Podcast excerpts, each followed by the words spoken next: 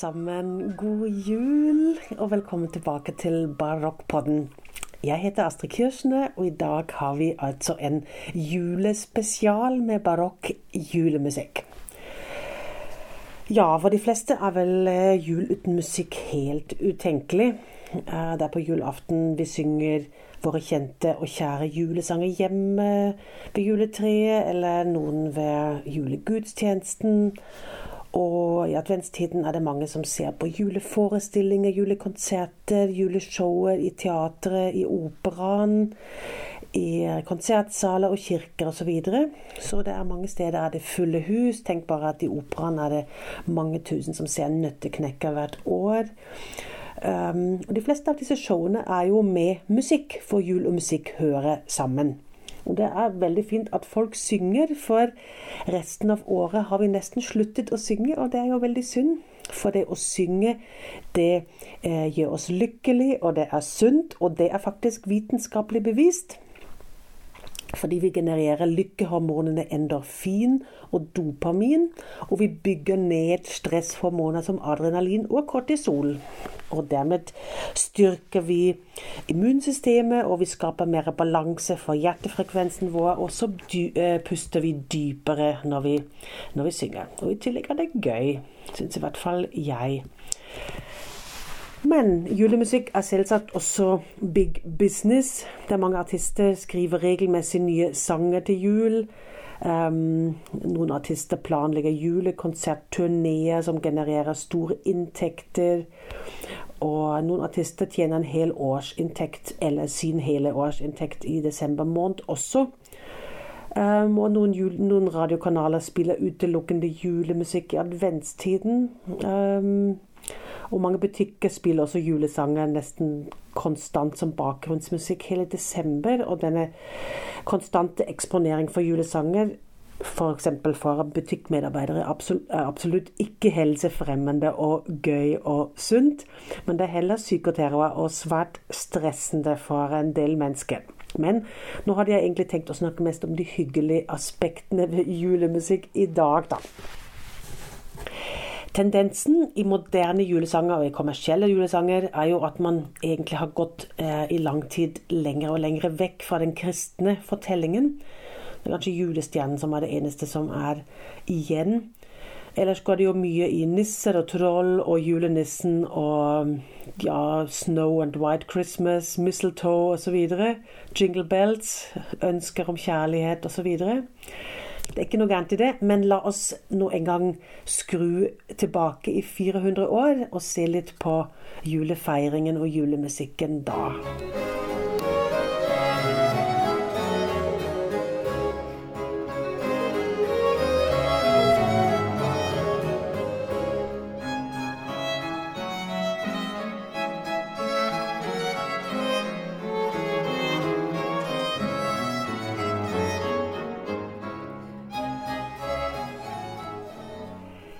Juletreet og gavene i familiekrets var faktisk ikke vanlig i barokktiden ennå. Det er juletre hjemme hos folk. Den er først berettet i 1814. Og i veldig lang tid i, i barokktiden så var julegudstjenesten faktisk eh, julens midtpunkt. Um, mange steder fastet man faktisk i tiden før jul, helt opp til julemessen. Det er sånn, Man kan sammenligne nesten med, med fastetiden eh, før påske også. F.eks. i Leipzig så holdt man en tempus clausum i adventstiden. Det var altså ingen julemusikk i adventsgudstjenestene, så man skulle holde tilbake helt til det faktisk var julaften. Og Derfor har vi for øvrig også heller ingen Bach-kantate fra Bachs Leipzig-tid for adventssøndagene der. fordi da skulle man eh, ikke ha musikk i gudstjenesten. Så det er eh, F.eks. har man det fra Hans Weimar, Bachs Weimar-tid. Har vi, eh, vi adventsmusikk, eh, adventskantate. Men dette var altså eh, Det var forskjellige regler. I Leipzig var det altså tempus clausum i adventssøndagene. Men den gang fantes det rundt kirkene, altså rundt kirkebyggene, fantes det ofte en del underholdningsprogram i forbindelse med julemessen. F.eks. inn i kirken. Da var det ofte forseggjorte krybber. De var ofte i ganske imposante dimensjoner. Store, eh, kanskje noen var, eh, var med noe fancy og imponerende mekanikk. Her må vi nevne selvfølgelig byen Napoli, som var et stort og viktig sentrum i barokken. Um, og de, hadde, de, har en lang, og fortsatt har en, en, en lang og viktig tradisjon i den håndlagede krybbe. Det fins en egen gate hvor det fortsatt um, man lager krybber og krybbefigurer, og man kan kjøpe de fortsatt. Men Napoli var altså en, var noe veldig annet i, på 1600-tallet enn, enn byen er i dag. Så vi kan sammenligne Napoli kanskje bare med um, Den gang kunne man sammenligne Napoli kanskje bare med, uh, med Paris um, i betydningen hva det hadde av i kulturell betydning. Altså det var en stor kunstby, en stor uh, musikkby uh, på 1600-tallet. Um, inne i kirken ved gudstjenesten ved julemessen var det ofte julespill. Det har man kanskje i dag også, men dette var altså allerede i barokktiden uh, ser vi det. Og det ble etter hvert også at det var um, ungdommer og barn som spilte det. Um, av og til ser vi ganske profane innslag, f.eks. i Wien. Da framførte man gjerne også operaarier i julegudstjenester for å lokke enda flere i kirkene i, eh, i gudstjenesten. Og på 1700-tallet dannet det seg da de første julemarkedene rundt uh, kirkene i Tyskland. I Tyskland vi kaller det ikke julemarked, vi kaller det Christkindlmarkt. For i Tyskland er det ikke julenissen som kommer med gavene, men det er altså Christkind, så det er Jesusbarnet som kommer med gavene, sånn etter fortellingen her. Og i de første julemarkedene i Tyskland, da eh, var det altså boder. Da kunne man kjøpe krybbefigurer, voksfigurer, epler, nøtter, og etter hvert også leker for barn. Eh, inn i julegudstjenesten så eh, begynte man etter hvert også å spille kantater. Og kantater er jo en av de mange eh, musikalske barokke oppfinnelsene. Er, en kantate er jo en slags miniopera. En lite, en lite fortelling, en lite, eh, et lite scene um, fra en ja, imaginær opera. Så man har en en oppblomstring for julekantaten i barokken. Det ser vi f.eks.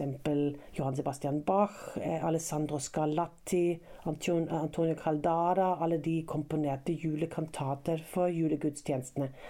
Og det er altså både protestantisk og katolsk, så i begge, um, begge kirkene har vi jo disse julekantatene.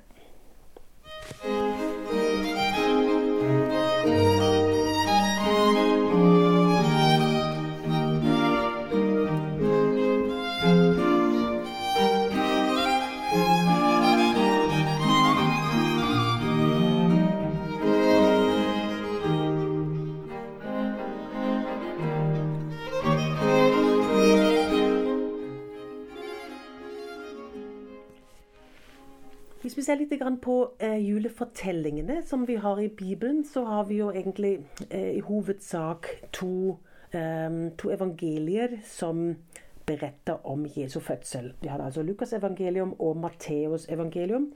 Og i Lukas evangelium Hvis jeg bare snakker dere sånn kjapt gjennom hva som egentlig skjer, dette vet dere sikkert. Men fortellingen er litt forskjellig. Altså I Lukas evangelium er det i korte trekk Maria får besøk av en engel. Så er det Maria Josef begir seg på, ut på reise eh, pga. den folketellingen som, som, keiser Augustus har beordret. Så blir det fødsel i stallen, og så blir det den nattscenen. Og det er først én engel igjen dukker opp. Det er for øvrig ganske mye englevirksomhet i hele, hele, den fortellingen. Og så er det en hel engelskare viser seg til gjeterne. De forteller om Jesus og gjeterne leter og finner Jesusbarnet. Så det er en del um, Det er Lukas evangelium i korte trekk. Mens det i Matteus evangelium så er det Josef som får besøk av en engel og får beskjed om å gifte seg med Maria. Deretter er det altså flukt til Egypt, og der er det mye fokus på kong Herodes og også de vise menn fra Østen som søker etter Jesusbarnet, og de ledes av en ny stjerne. Og så er det Herodes som beordrer drap av alle småbarn under to år. Og etter Herodes død er det retur da et, igjen er det engelbesøk da, og retur av eh, Josef og Maria. Um, og, så der, i, I Lukas' evangelium ser dere da at det er mye fokus på gleden og den positive mottagelsen blant, blant gjeterne. Så de leter straks etter barnet, og alle blir lykkelige over det som har skjedd. Så det er en happy story. Everybody's happy. Um, men i Matteus' evangelium derimot, der er det mye fokus på hatet og motstanden fra Herodes. Eh, Herodes er misunnelig på Jesusbarnet, og han føler seg truet hadde egentlig mye negativt fokus. Der er det kun de vise menn som hyller Jesus. Og, eh, men på eh, musikalsk sett så byr selvfølgelig den, det hatet og den friksjonen byr en, på en del drama. Ellers er det mye muligheter også til glede og hyllest at det er så mange engler som dukker opp. Og så er det gjetere, og så er det ofte da eh, brukt spesielle instrumenter for å, eh, for å støtte den gjeterstemningen. Jeg skal se på det etterpå. Og selvfølgelig er det en del dyr med i personalet der også. Det er alltid okse og esel og en del sauer fra gjetermannskapet. Eventuelt en hund fra gjeterne. Kameler fra De tre vise menn. Alt dette eh, kjenner vi jo fra julekrybbene i kirken i juletiden. Men la oss se litt på barokk, eh, tematikken i barokk julemusikk. Altså, jeg tenkte i dag jeg kan koke det litt ned på um, Første kapittel er litt um, engelets besøk. Det altså går i engle, englekor. Det er mange, um, mange englebesøk. Både soloopptreden har de jo, og det ene evangeliet til Maria, og eh, hos Matteus eh, hos Josef. Og så er det full engelkor til gjeterne. Hør på dette. Freude, Freude, Freude, Freude, Freude, Freude, Freude, Freude,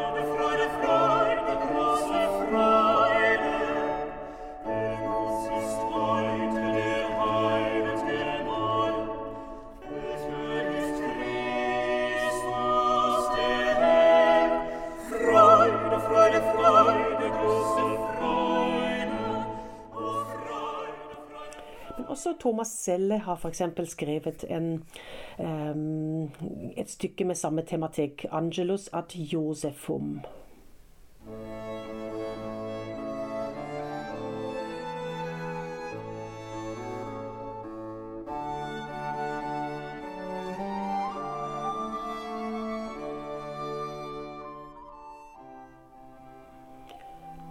Et italiensk eksempel av Ignazio Donati, eh, Angelos Gabriel Descendit.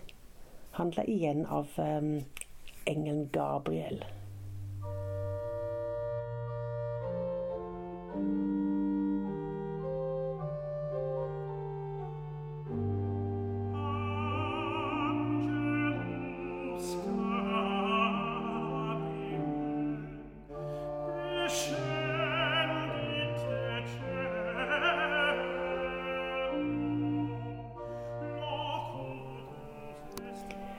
Hendels Messias så har vi først en forteller som beretter om en engel. Og hør etter.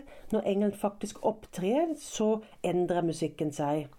Dere kan eh, legge merke til at eh, fiolinene spiller 16-deler i veldig høyt register. Det er ingen bass under. Det er altså noe som skjer opp i luften, altså bokstavelig. Hendel ehm, eh, han eh, viser det med instrumentvalget og med veldig høye instrumenter. Det er nesten at det skinner og flimrer nesten i lufta. Og så stemmer det, det store englekoret inn med 'Glory to God'. Her var dette. Her kommer engelen.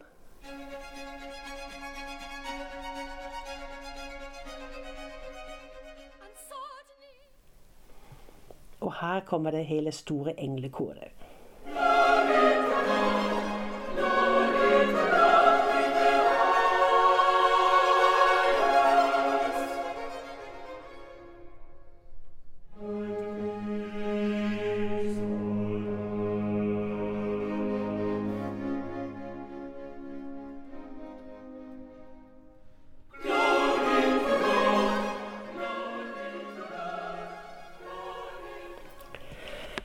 Men må jo si hele Messias er jo full av mange englekorscener, og det er til dels ganske krevende korpartier.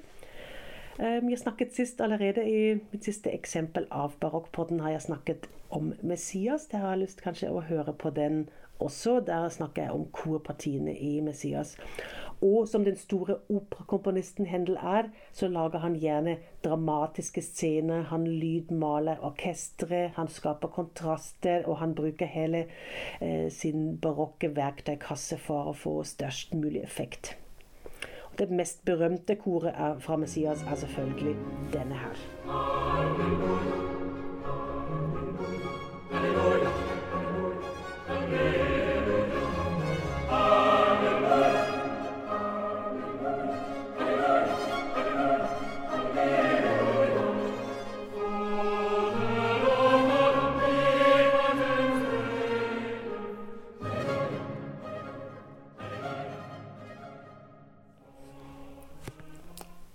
Selve Jesu fødsel er selvfølgelig også beskrevet i en del julemusikk. Vi har f.eks. her Frans Tunde 'Ein kleines Kindelein'.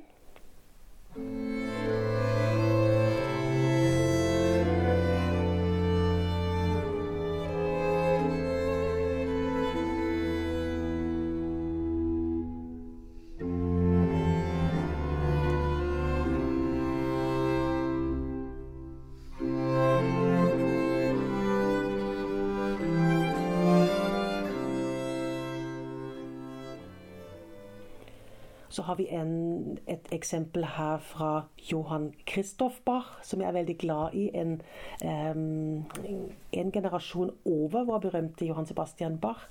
Um, og Freudenzeit og Wundernacht. Hør på denne.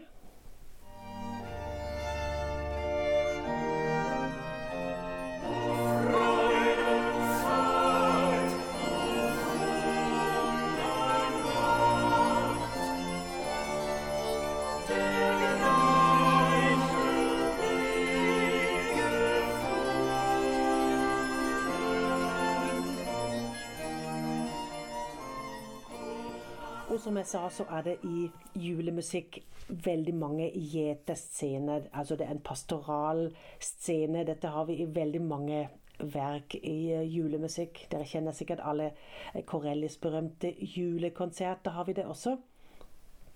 La oss se litt mer nøye på det. Um, hva er altså en pastorale? Det er altså skrevet i en idyllisk setting, der hvor gjeterne passer sauene sine. Gjeterne er jo fredelige mennesker.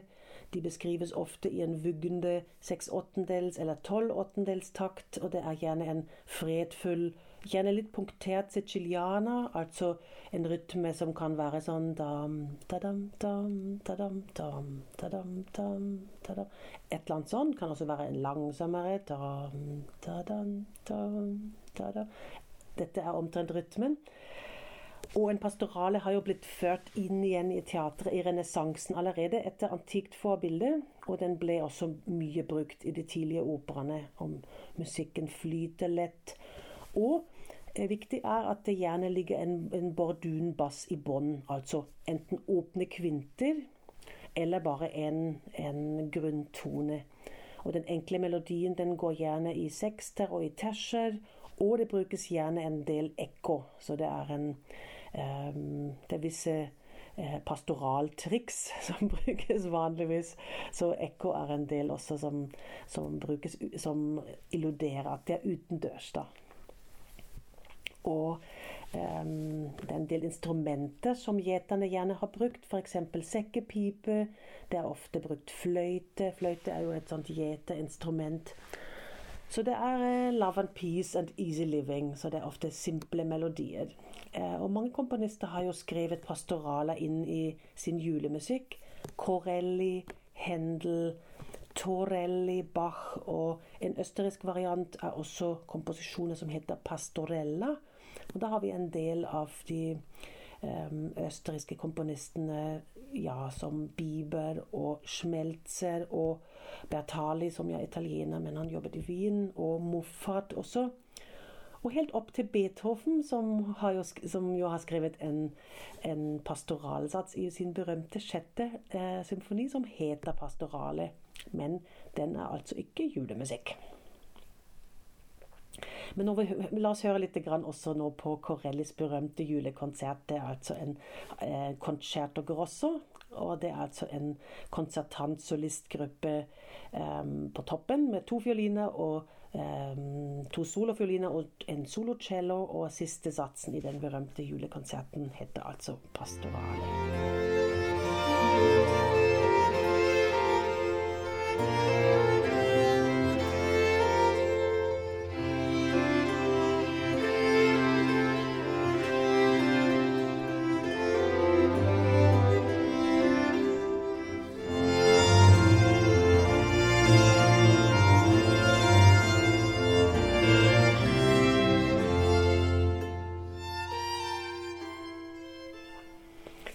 Men også andre komponister har prøvd å beskrive nettopp denne gjeterscenen i julefortellingen.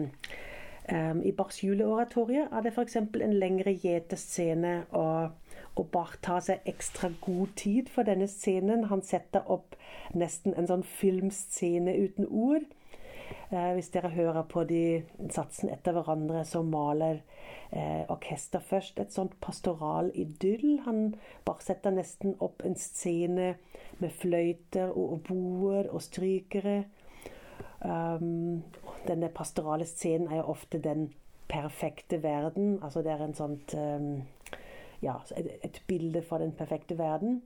Så kommer det en koral Brich an, du schönes Morgenlicht, altså Kom, du vakre morgenlys. Og så kommer det en engel, og så er det en arie med fløyte. Og fløyte er igjen et sånn typisk gjeteinstrument. Det er en intim setting. En fløyte spiller ikke så sterkt. ikke sant? Det er et svakt setting. Det også passer best med å spille for et lite barn. Og teksten er da 'Løp fort, gjetere, så dere får se Jesus barnet. ikke nøl underveis, og nyt det fine synet av barnet.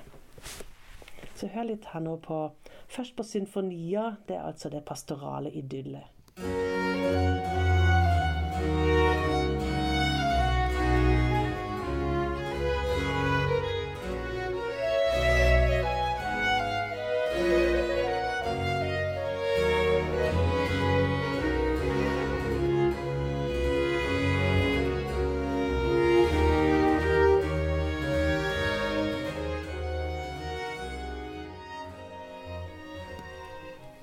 Og her er koret 'Brich an, du schönes Morgenlicht'.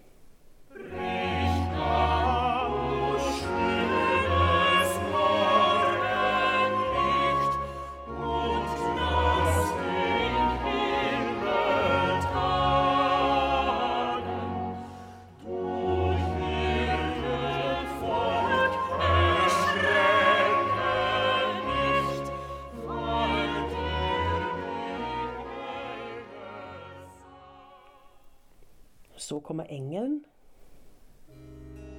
Und der Engel sprach zu ihnen,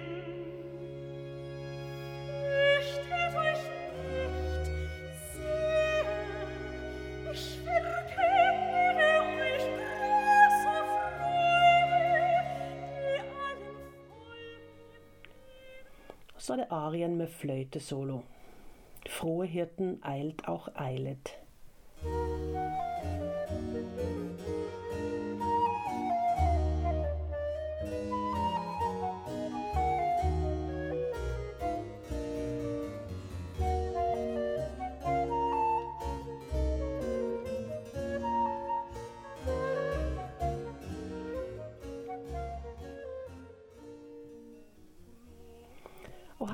Eksempel eh, til samme tema av den nederlandske komponisten og organisten Jan Peterson Sveling for a cappella-kor denne gangen.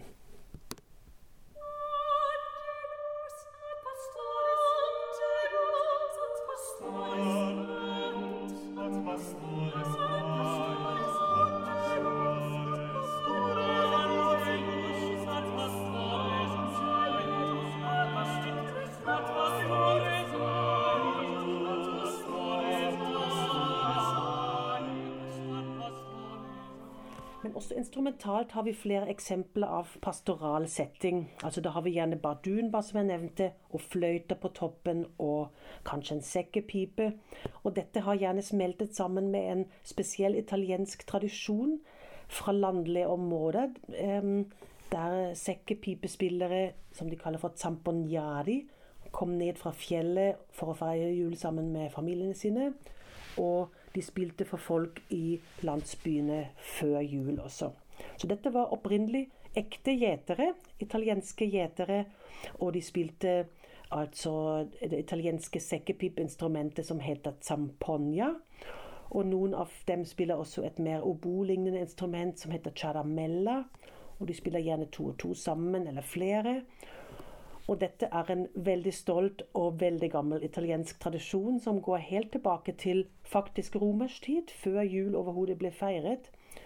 Um, og det er, blir fortsatt gjort og feiret da i de landlige områdene som f.eks.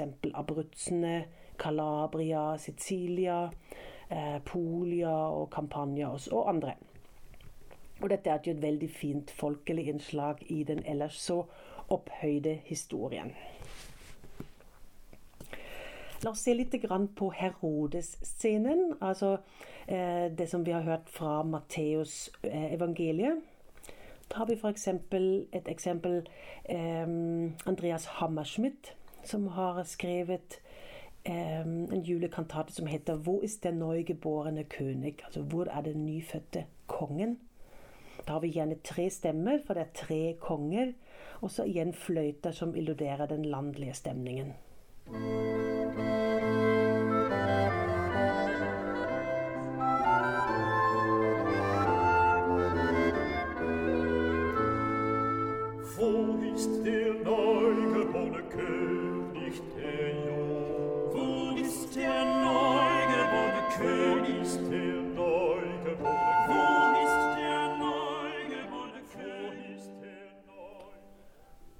Hva gjør Bach med samme tekst? Han spør også det samme spørsmålet hvor er den nyfødte kongen? Men han gir også svaret let etter ham i mitt hjerte. Så Bach setter også opp en operascene nesten med Herodes. Wo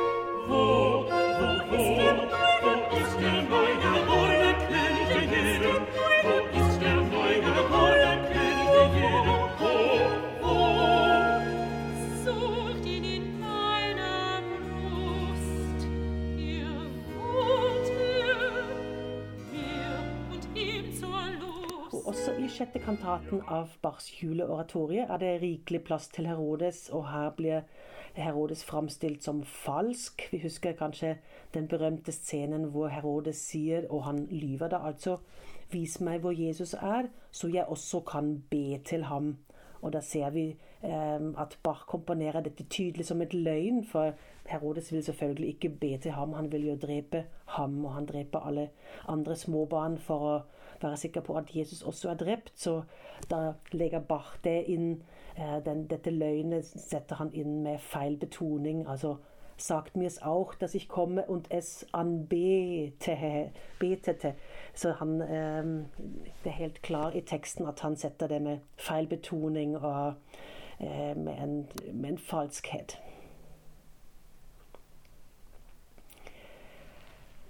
Jeg vil gjerne avslutte med eh, kanskje de fineste, eh, den fineste julemusikken. Dette er vuggesanger for Jesusbarnet. Og det er jo Maria som synger for Jesusbarnet.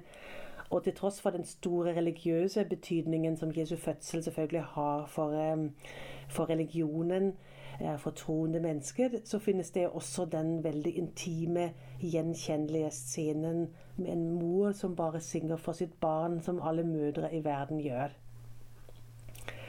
Um, og jeg har funnet for dere en, uh, et, et veldig fint juleverk fra, uh, som er tysk, fra 1600-tallet.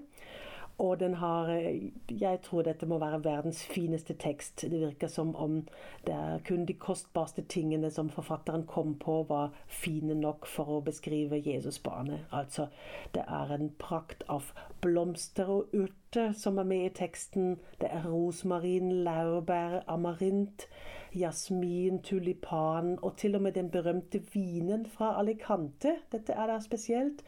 Det er perler og diamanter og røde edelstener. Altså kun det, det, mest verdifulle og det kostbarste som, som finnes i verden. Hør på dette.